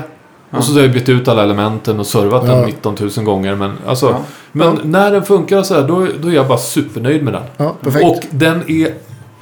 Den kan vara mer högljudd än vad som någonsin behövs i alla sammanhang som Ja, jag spelar. Det är Ja, liksom de är problem. starkare. Ja. Alltså de knuffar rätt bra tycker jag. Och, och jag förstår mig på liksom en sån. Mm. Eh, när det, någon kommer med en camper och sådär, då blir jag rädd. Då, då är valmöjligheterna för många och det är för Ja. komplext. Liksom. Samtidigt så förstår jag ju såklart nyttan och liksom möjligheterna som finns i det där Ja, om man skulle sätta sig in i det. Men jag har liksom aldrig kommit dit riktigt. Jag har alltid kört på väldigt low-tech. Eh, Det blir lite roligare helt enkelt. Ja, alltså jag har löst det jag behövt med pedaler och sådär. Ja, Någon ja, har visst. sagt att man tar den där pedalen och så, så slutar det med att jag har kanske fyra pedaler. Och så tycker jag att ah, det här är allt jag behöver. Jag har en boost, en rotovibe, wah och en stämapparat och ibland någon annan sak. Ja. Ja. jag, men jag hade någon small stone ett tag bara för att få lite face. Liksom, så. Ja. Jag har aldrig liksom, känt en längtan efter att ha något annat. Ett delay Nej. ibland också. Men delay, är, jag vet inte varför men jag har nästan aldrig använt mig speciellt mycket av delay. Jag vet inte vad det är, men jag tycker om när det är rätt torrt. Ja. Och sen så tror jag att min know-how för att använda ett delay på ett optimalt sätt, den är lite för låg. Så att jag tror att jag missanvänder den på något sätt så att jag tycker att det blir för mycket eller för lite och inte bara liksom volym sådär. Men att, att jag placerar den fel eller någonting sånt där. Ja. Så om man har en loop så är det lite lättare att använda den och i annat fall så blir jag osäker. Så att det är det första som åker. Om jag ska ta bort en pedal, då är det delayet som Ja. tar bort. Liksom. så. För jag tycker för solo och sådär, det är liksom bra med närhet och... Använder du gärna stärkans reverb eller har du någon... Ja, men då kan jag ha lite grann. Lite, Ja. Liten puff liksom sådär på den. den. Jag tycker den låter helt okej. Ja. Mm, absolut. Jo, men det är väl en lång tanke. också. Har du, spelar, använder du den på, på er senaste platta? Ja, det är, det är den på, på allt med Prins Svart. Och när vi har spelat live också. Så är det den. Var, var spelade ni någonstans? Alltså vi spelar in med en kille som heter Dino Medan Hodzik. Som Okej. sitter på Götlundavägen 1 i Älvsjö. Ja. Eh, Och han sitter där sedan några år tillbaks. Jag är och, uppvuxen i Älvsjö måste jag ja, tänka. det är precis vid Älvsjöbadet. Jaha, det var. Med på. Hagsätra-sidan Ja, precis. Hade, är det i samma... Göran Elmqvist hade lokal Ja. där. Det är alltså, samma. Det är samma gata. Det är samma men Det är gata. inte samma hus. Det är inte samma hus. Nej, utan han sitter liksom i ett, ett separat hus. Men det är precis... Götlundagatan 9 är väl det då? Liksom. Ja, precis. Där har vi replokalen. Ja, just det. Så att allting just nu är just där. Ja. Så att vi har spelat in båda plattorna med honom och han är en otroligt musikalisk och eh, eh, bra snubbe. Mm. Han är lite yngre, han är 30 bast. Jag är ju 46 liksom, så att vi är olika generationer. Eh, så att det, det blir lite sån här oväntade, lustiga krockar där, där man slänger ur får någon referens där han bara, vänta. Som att, vi, vill ha det lite som Perfect Strangers här. Och då visar det sig att han aldrig har hört den låten. Så då, då måste vi lyssna på den en stund. Ja, exakt. Men å andra sidan så har han lyssnat på Tool och Meshuggah och liksom Ja, massa här grejer som... som eh, och mycket av det eh, ljudgodset som vi bär med oss också Ja. såklart. Men inte allt, liksom, Nej. därför att han har haft olika ingångar på det. Men Ja. hur, har ni spelat in då? Har ni... Vi spelar in allt på en gång. Alltså han har ju inte en jättestor studio, men vi kan spela allting samtidigt. Ja. Och så behåller vi allt som går att behålla. Vilket oftast är nästan allt. Ja. Eh, Alltså vi repar så mycket vi kan innan och så, så siktar vi på att det vi spelar in samtidigt där, det är det som är. Mm. Och så, så lägger man på en dubb där det behövs och en oktavgitarr där det behövs och så, så ett solo såklart och så kan man lägga på sång och sådär. Men så Ja. att alla grunder liksom sitter ihop Ja. Ehm, och så så att det, det är en väldigt snabb process så att vi kan liksom spela in en platta på två dagar. Mm. Är Så här fyra, fyra, fem låtar om dagen. Liksom. Ja, visst. Så har vi alla grunderna och sen så är det liksom en eftermiddag här och en, en dag där, där man liksom jobbar vidare. Mm. Så att det har varit enkelt och gjort att det har gått att jobba snabbt liksom, så länge man tycker att man har material att spela in och sådär. Den biten den har funkat fint också. Vi har en lätt kommunikation liksom sådär. Hur skriver ni då? Det... Alltså vi står i lokalen och och oftast är det väl jag som kommer med någon riffidé. ja. Eh, och sen så arbetar vi fram liksom ett arr som vi tycker känns bra och liksom ett stuk. Eh, och jag, jag tänker att i den här åldern så när man har gått några varv runt kvarteret. Mm. En stor fördel är att man är lite mindre förvirrad. Alltså man blir inte förvirrad av valmöjligheter. Nej. Utan man vet vilka vägar man kan gå och sen så väljer man en som man tycker passar. Mm. Utan att det känns speciellt liksom, osäkert eller någonting sånt där. Utan man- har liksom fem valmöjligheter på liksom en, liksom en övergång eller något parti eller någonting sånt där. Så bara, jag tar den där. Mm. Det blir bra. Det passar den här låten. ja, visst. Och sen så är man rätt nöjd med det och behöver inte tänka på mer, eh, det mer liksom. Nej, visst. Och eh, att man litar på liksom sitt omdöme och litar på sin... eh, Alltså det man vill ha ut av det liksom. Mm. Man inte tittar sig över axeln för mycket. Ja, men visst. Det är det, det skönaste tycker jag med att, att inte vara 23 längre. Att Ja. man liksom kan så här... Ja, men... Att man är tryggare i sig själv Ja, och kan ja. lita på att ja, men det här Ja. blir bra. Ja, man har gjort så många val så att man har liksom mejslat ut någon form av fåra där man vill vara. Liksom. Exakt. Det, är så. Man, det finns andra fåror också men man kan vara nöjd med att liksom Ja. vara där på något sätt. Så att det, och det gör att då blir det lite lättare att jobba fram saker helt Mm. enkelt. Det går snabbare därför att då lägger man det till handlingen och så, så går man vidare och så, Mm. så lägger man på. Så att det är både kul och Så jag tänkte jag fördelen att ni har spelat så länge tillsammans. Att Ja. ni har liksom... Jo. Det drar lite åt samma håll och att Ja, det inte visst. blir allt för stora. Nej, och alltså i ett rockband, det viktigaste, nu är det här en gitarrpodd, Ja. Men det viktigaste är inte gitarr. Det Trummor. viktigaste är trummor och kan bas. klippa? Kan vi klippa? Det där, jag brukar säga så att, att Jimmy Pages största... Hans, alltså jag älskar Jimmy Page. Mm. Men hans geni var att han hittade Bonham och John Paul Jones. Ja. Det var det som gjorde att han blev Jimmy Page. Om man tänker på det. Ja. Vem skulle han varit utan den konstellationen? Han hade säkert varit... Det hade aldrig blivit så bra. Nej. Inte. Alltså han, liksom hela Zeppelin-grejen växte ju ur det där. Mm. Så att han var ju bara klipst nog och fattat, okej, det är det här. Därför att det var, jag menar, han drog ju ihop det och han hade ju namnet från Yardbirds och allt. Precis. Så att han hade ju möjligheten att fatta besluten. Mm. Men att han såg värdet av den konfigurationen, det är hans genidrag. Ja. Allt annat är också väldigt bra. Men, Ja. men det, är liksom, det är väldigt avgörande. Och det, det där är inte finns, ju ens många, det, är, det finns ju många sådana exempel. Miles Davis är ett sådant exempel. Han, gjorde, han, han ringde ju in de hetaste och alla som var med i hans Ja. band blev ju legender. Ja. Inte bara för att de hade varit med i hans band. Nej. Utan för att han såg hur jävla bra de Ja. var och talangfulla Ja. de var. Ja, visst. och så var det ju liksom i alla Miles Ja. band tills han slutade spel. Så att det är en otrolig Ja, egenskap som ja visst. bandledare. Ja, ja. ja. Nej, men så att det, ryt- rytmsektionen, att de har en fungerande kommunikation i A och O. Har man inte det, då kommer det oss skeva. Liksom. Och Sabba och Pomma de sitter ihop vid höften. Liksom, så Men det jag tänker ju så här med, med Ze- Zeppelin. Jag återgår alltid till det här Black Dog. Mm. Vilket var en av de första rocklåtarna jag fick höra i alla fall. Som jag fortfarande tycker är en av de bästa. Men där är det ju också så här att de får låten... Att det låter så jävla... Det låter så jävla bra fast egentligen så har de helt skev timing allihopa. Ja. Så Bonham Ja. är extremt häng och sen så... Mm. eh, Page han är liksom... Han, han är ju klar när de andra liksom ja, är så här... ja, Jag vet inte. Ja, nej, men det är precis. fantastiskt. Och ändå Ja. låter det asbra. Ja, ja. Och så tänker man så här att folk håller på att titta på sin skärm. Så här, Mm. ja, då, det där slaget det Nej. ligger nog inte riktigt. Nej, Gridrock var inte riktigt ett begrepp på den Nej. tiden. Nej, men- Nej, alltså det är... Och det där är ju... Det, man kan ju ty, man, på ett sätt kan man ju förbluffas över det där. Men det de var ute efter var ju ett sound. Mm. Så det var så där det skulle låta. Ja, visst. Liksom, alltså, det, det fanns en frihet i hur man liksom placerar sig mot saker och, och hur man ville... Liksom, det är nästan en del av orkestreringen av låten att det skulle Ja. låta sådär. Liksom. Så det var ju aldrig av misstag. Och jag har tänkt mycket på det där med page timing. Han kan låta liksom... Många tycker att han är hafsig. Och att han kan vara liksom sloppy på många sätt. Han är inte sloppy. Utan det där är liksom... Han har en teknik som är utvecklad precis för att göra... Spela gitarr som han vill. Och det som kan göra att han låter skev. Det är hur han fraserar. Att han vägrar landa på ettor.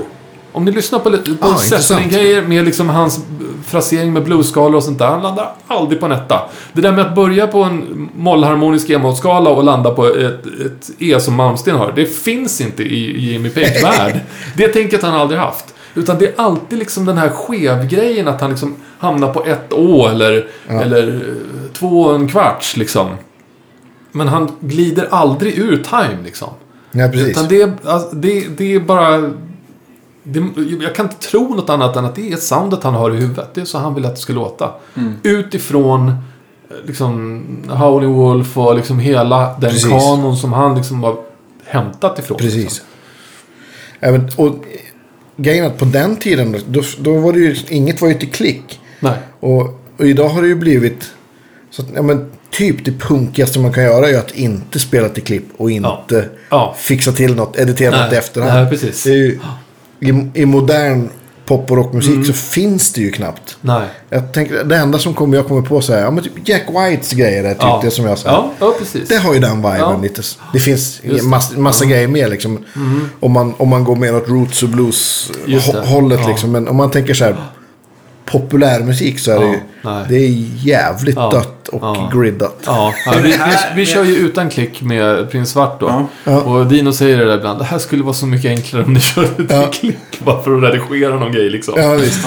Det är inte riktigt lika lätt. Men, men liksom just för att möjligheten finns idag och att det går snabbt att göra de här Ja, redigeringarna är ju absolut. en helt annan grej då. Men Ja. en, en, ändå. Mm. Ja, men jag tänkte på liksom på vad hade man för val förr i tiden? Eller ännu tidigare. Liksom det var ju bara Nej. så här. Ja, det var bara en eller två kanaler. Nu var det bara att spela rätt Ja, eller så. ja, precis. Det fanns Det, finns ju någon historia. Eddie Kramer står och liksom spelar liksom klick på någonting för att Peter Criss ska hålla time. Ja. Han Okej. bara, du måste hålla time. Du kan inte bara dra iväg eller vad det var för någonting som var problemet. Så han står i studion och slår klick liksom.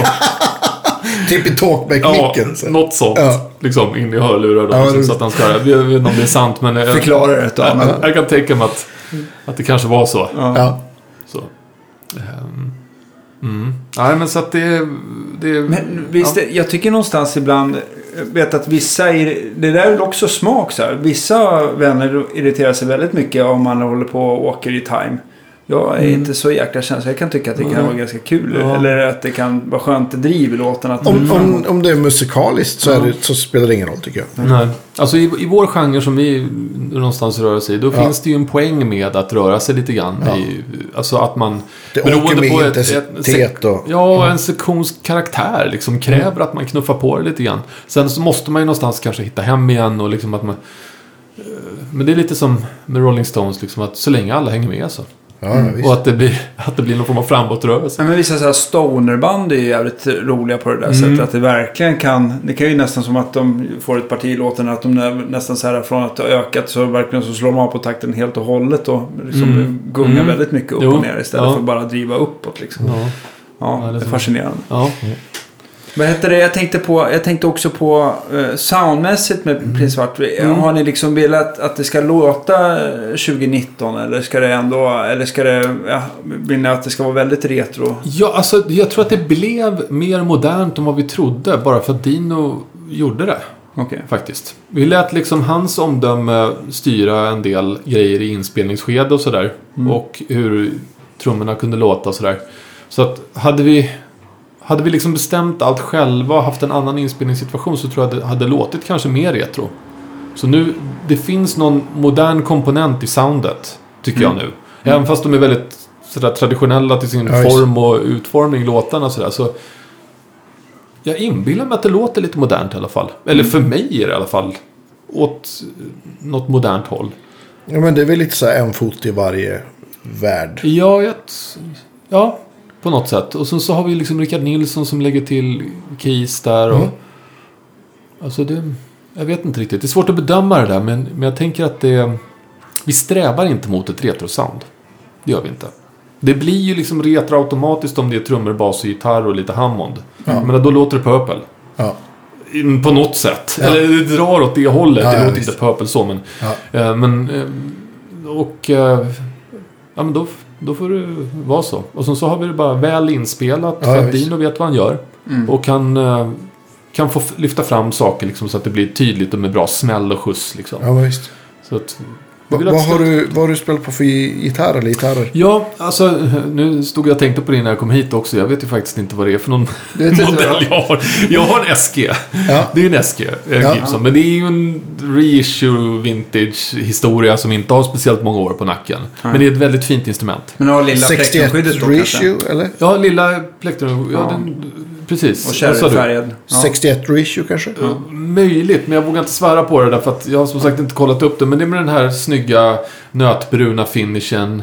Eh, liksom, eh, ingen burst eller någonting sånt Nej, där Men den är, inte, den är inte cherryröd i alla fall. Eller? Nej, det är den väl inte. Ska jag klippa nu? Nej. Nej, nej. nej men vänta, det kanske har lite åt det röda hållet. Alltså det är en typisk äske kan vi väl Ja. säga. Så, får jag, så får jag ta fram en bild i telefonen sen och så får vi bestämma vad det var för något. Ja, exakt. men, men jag köpte den av eh, Mats eh, Valentin som pro- proddade flera Pudus-plattor. Ja, just det. Eh, Berntoft eller Valentin. Ja, absolut. Jag undrar Ja. klämt på den gitarren då. Ja, vi, vi spelade in en massa eh, komp... Alltså när vi satt och skulle lägga eh, kompkurer på eh, de tre Purus-plattor som jag spelade in med honom. Mm. Så satt vi och testade lite olika gitarrer och några olika stärkare och sådär. Och då var det liksom esken. Så fort han hade den esken så körde vi på den. Ja. Därför att den var, den var bara bäst. Så han har ju en jättefin Les Paul också. Han hade flera andra gitarrer där. Och jag hade min Les Paul och sådär. Men vi tyckte liksom att esken lät... Det var bäst crunch och bäst output på ett bra sätt liksom. Men han har ju fixat den också. Han har bytt till någon mix som jag inte kan namnet på. Och eh, bandat om så att det är de här schyssta, breda, låga banden. Så att den är skön att spela på. Han har fixat den så att han var nöjd Ja. liksom. Och så skulle han sälja den därför att han hade lite för många instrument.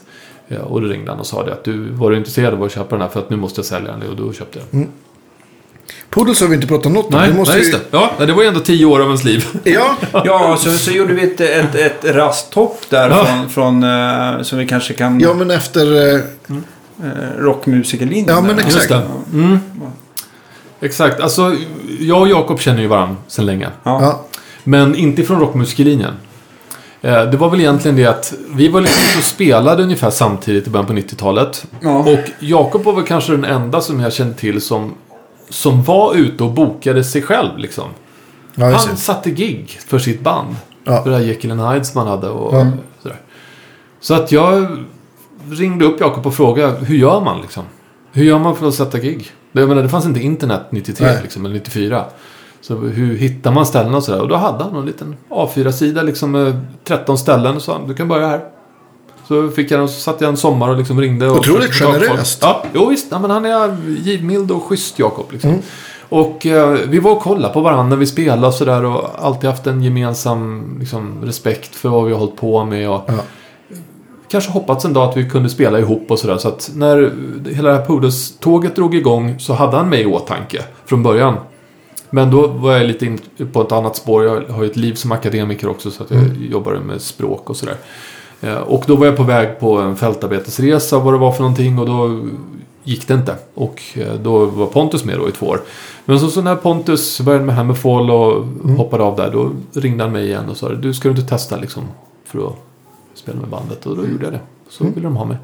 Så att eh, Jakob och jag har känt varandra sedan ganska tidigt 90-tal. Och eh, så. Så att det, det är väl, han gick ju rock, rockmusiklinjen också fast par år senare tror jag. Just det. Om det var 96 eller 97 eller någonting sånt där då. Så lite senare, han och Mackan var båda. De gick väl båda den tror jag. Okej. Inte. De flesta jag känner har gått rockmusiklinjen något Ja. år. Mm. Eh, så. Men eh, ja, så att det...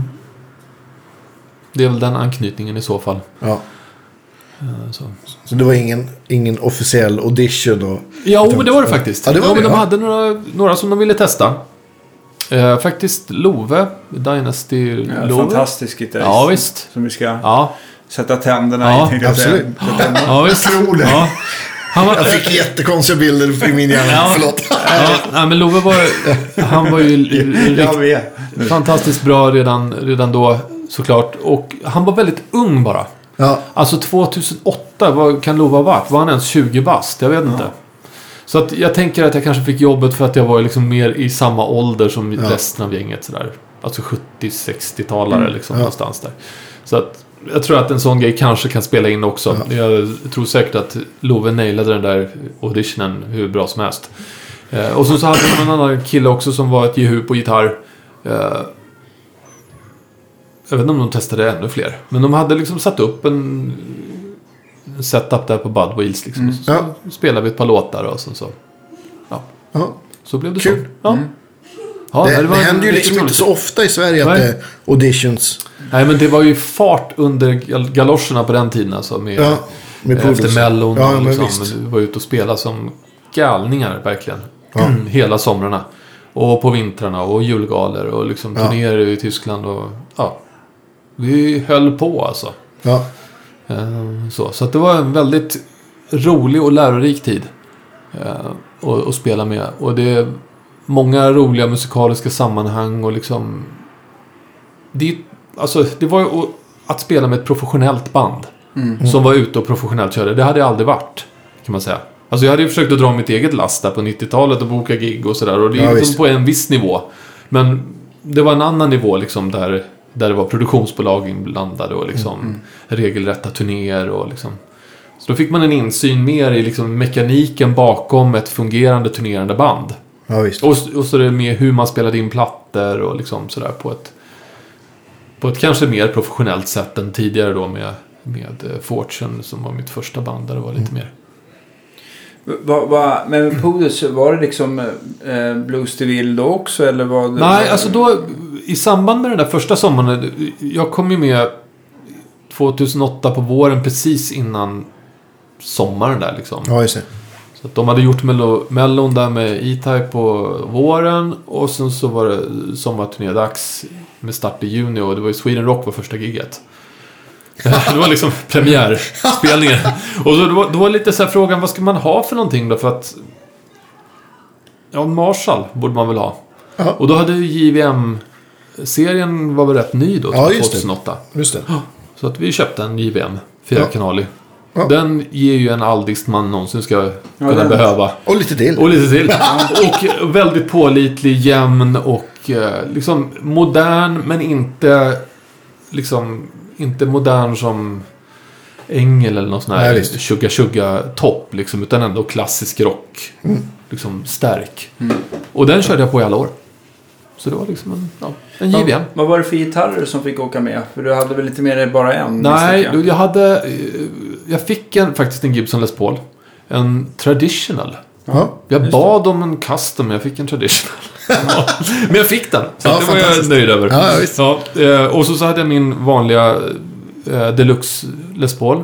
Och sen så köpte jag en vinge. Ja. Eh, så det var de jag hade. Mm. Jag hade inte så många. Aldrig ägt så många gitarrer, utan jag har liksom alltid haft en ganska liten uppsättning. Men det, du gick mer åt Gibson, eh, Gibson-fåran än att eh, följa Yngves och Blackmores väg Ja, sådär. I och med att vi började spela Zeppelin-låtar så kändes det som att Les Paul var ett naturligt val. Ja. jag hade en Paul Reed Smith ett tag. Innan jag köpte min Les Paul. Men jag tyckte alltid att den lät inte riktigt som det borde låta. Den lät lite för bra, tror jag. Alltså den är så himla, det är så välgjorda Ja, gitarrer. de, det är som ett piano liksom. Ja, men och de är helt så här jämna och bara perfekta. Liksom. Och lättspelade. Och jag hade nog någon idé om att det skulle vara lite trögare än det där. Det skulle inte vara riktigt sådär lätt. Ja. Första gången jag såg dig spela hade du en... Kan det vara någon 70-tals Les Paul med Ja. mini-handbackers? Ja, har du kvar den? Men den är Deluxen, kvar. Den är Ja. kvar. Ja, Ja. visst. Ja, den, den, den målade jag faktiskt om när jag började i Polus. Den var röd från början. Den var cherry red på något sätt. Ja, Ja, precis. Ja. Ja. Och sen så målade jag om den bara så att den skulle se lite tuffare ut. Men det var samma gitarr. Ja. Så att den, den hade jag länge. Tyvärr så har jag kommit på att den är inte så bra. Nej. Jag har alltid gillat att spela på den men den låter inte så jättebra. Nej. Och är, det, det, är det original, eh, alltså original mini-handbackers på den? nej, de är Nej. utbytta. De, de hjälpte, jag tror att det var Micke Höjden som hjälpte mig byta Ja. till något vettigare. Så att micken är bra och sådär. Men jag, jag tror bara att gitarren klingar inte sådär jättebra. Nej. Om jag jämför med min SG som jag tycker låter Ja, jättebra. Jag tänker ju så här, det här är... eh, Jag tänker också på de här deluxerna som oftast hade, nu vet jag inte vilket år den här är ifrån, men Tidigt 80-tal. tidigt 80, okej. Mm. Men då, då är det ju fortfarande att de eh, har väl så här typ lönnhalsar istället för mahogny som Okej. du har i äsken. Ja, så kanske det är. Och sen så har de ju tredelade halsar och det är ju rätt bra för vridstyvheten. Men jag har ju någon sån här, jag har ju någon sån här bild av mig, alltså om man kan använda mindre Mm. lim i gitarr så blir den mer resonant. Ja, okej. Och sen så är det lite andra konstruktioner. De är Mm. ganska tjockt lackade och de Mm. kan vara ganska tunga. Ja. Och oftast har de den här pancake... Jag vet inte om man kan, man kan titta på vissa Les på sidan så ser man att det blir som en liten, en liten, en liten linje mitt på kroppen mellan Okej, kantlisterna. Aha. Det jag kallas ju, det är, de har ju lagt in, jag vet inte om det är för att det var, man skulle kunna använda mer trä istället Mm. för att bara använda en, så här, en tjockare mahognyplanka så använder de, eh, så laminerar de med en, tror att det säkert var någon lönnbit eller valnöt eller någon sån Okej. här lönn tror jag att det var. Så att det är mycket sådär, eh, Mm. ja. Små grejer som får... Ja, och sen så tycker jag någonstans här runt... eh, Det är ju skillnad om man tittar på Gibson överlag. Alltså från Mm. 50-60-talet och Ja. det som kom eh, lite senare. Där. Mm. Det, är, ju- det är olika nivåer Ja. på instrumenten. Men, Jag hörde någonting om att det var ett trälager som brann också. Vid ja, någon tidpunkt som gjorde att de vart lite tyngre bara för att det var inte uttorkat. Det, var, det är vatten i träet Ja, på okej. något sätt. Ja. mm. Eh, Men att det även drabbade Fender va? Så att en del av de här sena Ja, jag är- 70-talsstratterna de är blytunga. ja. Av den anledningen vad jag förstår. Att de inte torkade ut helt och hållet för de hade för bråttom. De var tvungna Okej. att köpa in nytt trä för att det brann upp någonting. Liksom. Ja.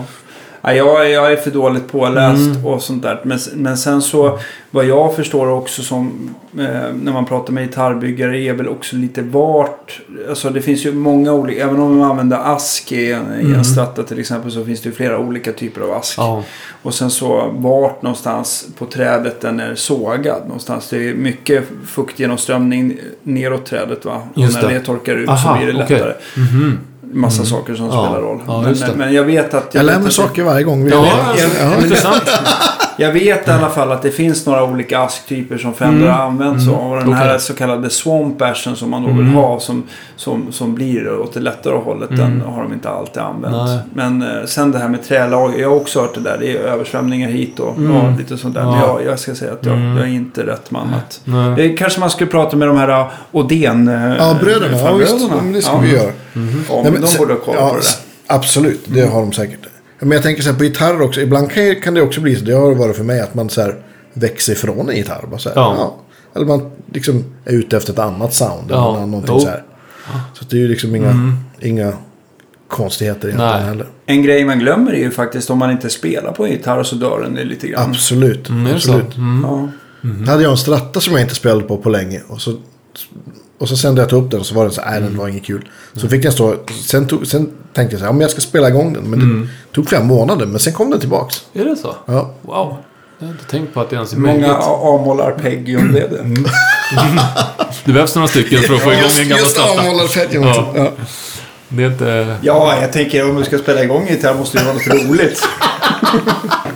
ja, exakt. Men va, va, hur ser det ut? Eh, Framöver, eller jo förresten, Mm. med, med Poodles, la ni ner eller slutade du bandet? Alltså eller? för min del så, jag har ju det här parallella livet som akademiker. Och du håller på med, med språk? Ja, precis. Språkforskning. Så jag sitter ute på lingvistiken på SU då. Ja. Och jag har gjort det ungefär lika länge som jag spelade med Podes. Så att jag fick min första postdoc.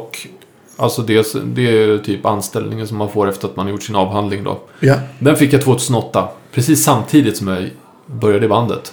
Så jag sa det på en gång att jag kommer köra på det här andra spåret också. Det är liksom... Ja. Och det var ju okej. Och dessutom så att vara akademiker gör att man kan styra sin tid lite grann sådär. Så det passade rätt bra. Alltså, när jag inte jobbade så då kunde jag spela. Så att det var det någonting som fick eh, hamna i kläm så var det kanske familjen ett tag. Ja. Bara för att jag jobbade så väldigt mycket på båda spåren. Ja, just. Men så att jag har fortsatt på, på inslagen väg där med eh, språkvetenskapen och jag fick ett stort projekt eh, på jobbet. Man, får, man söker projekt liksom. Det är Just så det. man håller sig ovanför vattenytan där på, i den världen. Mm. Det finns inga anställningar så att det är lika osäkert som musiklivet fast det är andra saker. Men, ja, men så jag fick ett projekt. Och jag insåg på en gång att det här kommer jag aldrig kunna bolla samtidigt som det vi har planerat med Podes. ja, det var... För att det var en Japan-turné och det var en Tysklands-turné och det var spridda skurar med gig och jag kände på att den här gången, alltså det som var skillnaden med det projektet jag fick då, det var att jag var projektledare för hela Ja, klabbet. Så jag skulle liksom koordinera andra personer och sånt Jag där. Så det var en väldigt tung apparat. Så då sa jag att jag måste få ett år ledigt liksom. Jag måste kunna få igång det här projektet Mm. under det där året. Och under det året, alltså någonstans där framåt hösten, då, då, då hade de beslutat sig för att helt enkelt låta det vila. Mm. Så att då avslutade de det. Så att det var liksom inte... det Inte var så inte- dramatiskt. Nej, faktiskt inte. Utan det var väl egentligen... Ja. Jag tror att Jakob kände att han ville utforska mer liksom, och göra saker solo. Mm. Han hade det här projektet um, Coexist och liksom den här låten Home som han har släppt. Och han har skrivit med lite andra låtskrivare och eh, så. Så att det, det föll sig liksom att, ja men efter 12 års tid vart det väl då. Ja, Från början så var det dags att, att lägga av. det är länge i ett band. 12 Ändå. år är väldigt Ja. länge. Om man tänker på hur länge Zeppelin spelade med varandra. Då, det var ju... Nej tack, det är bra. Nej. Ja, då är, det var ju 12 år. Ja, Och de spelar ju Ja, knappt med varandra på slutet, höll jag på att säga. ja. Alltså, det är oftast väldigt kort tid som ett band verkligen brinner. Och så, Ja. så finns det liksom en liten uppkörsfas och ibland en svans eller ingenting. Mm. Men jag menar, sju, åtta år är ju lång tid liksom. Mm, ja, herregud. Så att det, jag tyckte vi hann med mycket under den tiden. Ja, visst. Ja, men kul. Mm. Men så nu är det Prins Svart som är, Ja, är liksom ditt... Ja, och det var ju lite samtidigt där så, så hade, då hade vi redan börjat fixa lite med låtar och spela in med Dino och sådär. Men det var, liksom, det var inte någon huvudanledning till varför jag inte kunde spela med Pode sådär. Nej. Utan det var egentligen det var jobb Ja. eh, relaterat då. Så, så drog vi igång det här med, med Prins Svart då. Och så, så nu kör jag på det. Kul. Ja, så får vi se vad vi landar med det. Jag håller på och försöker boka lite gig och sådär så att vi Ja. kommer ut och spelar. Har du kvar pappret? Ja, ja men det är någonstans. Någonstans finns det. Du ringde ju förra året. Det är Ja. ingen krog här. Precis. Det huset är rivet. Sedan 15 år. Vi kommer. Ja, det är kul. ja, precis. Finns det någon plats? Affischen är på lådan. Ja. Ja. Nej, Så det, det är roligt. Och eh, det är roligare än någonsin att spela gitarr tycker jag också. Ja. Ja. Hur, hur, eh, du som har övat så sjukt Ja. mycket, Mm. vad jag förstår. Mm. Hur håller du liksom gnistan uppe för att liksom tycka att det är fortfarande kul att, att spela så Ja, här? alltså. Jag tycker så här nu. För det första så tänker jag väl mer som någon form av låtskrivare-arrangör. Mm. Tänker jag. Mer än som gitarrist. Utan jag liksom tänker på hur, hur ska en låt komma fram? Hur ska man mejsla ut den så att den blir bra och sådär. ja, men visst. Det, är- det är någon form av primär grej. Mm. Så att mycket är liksom att rensa bort sånt där som jag kanske skulle låta slinka in annars. Om Renodlat. det låter Ja, det är... vettigt. Alltså, Ja, att det, det känns som att man skalar bort skit snabbt. Så att man bara liksom har kvar det som man tycker att "Ja, men det här. Men det är väl också en sån här musikalisk mognadsgrej liksom. Jo, jag, jag tror det också.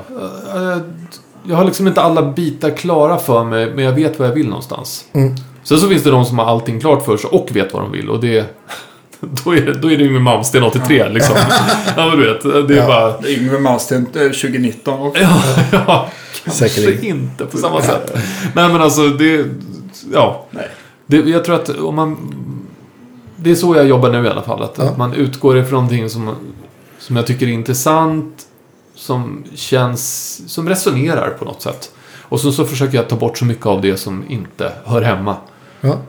Eh, Så att jag tycker om pauser och sånt där bättre nu. än vad jag tyckte om för 15 år sedan. Jag gillar en paus. Jag kan uppskatta värdet av en paus. Var tyst en halv Ja, nej men bara liksom låta den där grejen som man precis gjorde sjunka in innan man tar sats för nästa. Ja. Det tror jag är liksom David Gilmours geni och alltså de, många, Jeff Beck. Ja, ja, visst. Bara vara tyst en stund. Ja, och så, King så kommer nästa. Eller, det finns ju Ja, finns som helst olika. Ja, ja. Precis. Det fattade jag inte när jag var 20, men eh, nu... Nej, men då man är 20 ska man inte förstå Nej, det. Då, nej, då, då ska man bara hälla på. Ja, men exakt.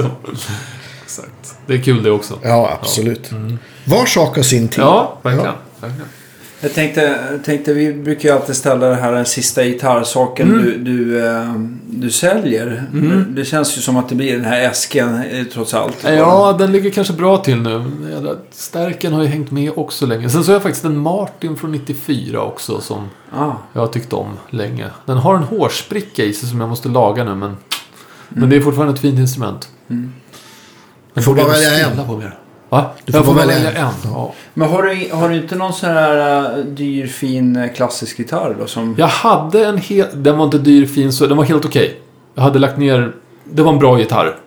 Men var det den någonting? pajade i en flytt så att den var bara flisved. Det jobbigt. Ja, det var någon som klev igenom caset på något sätt. Jag vet inte hur det gick till riktigt ens.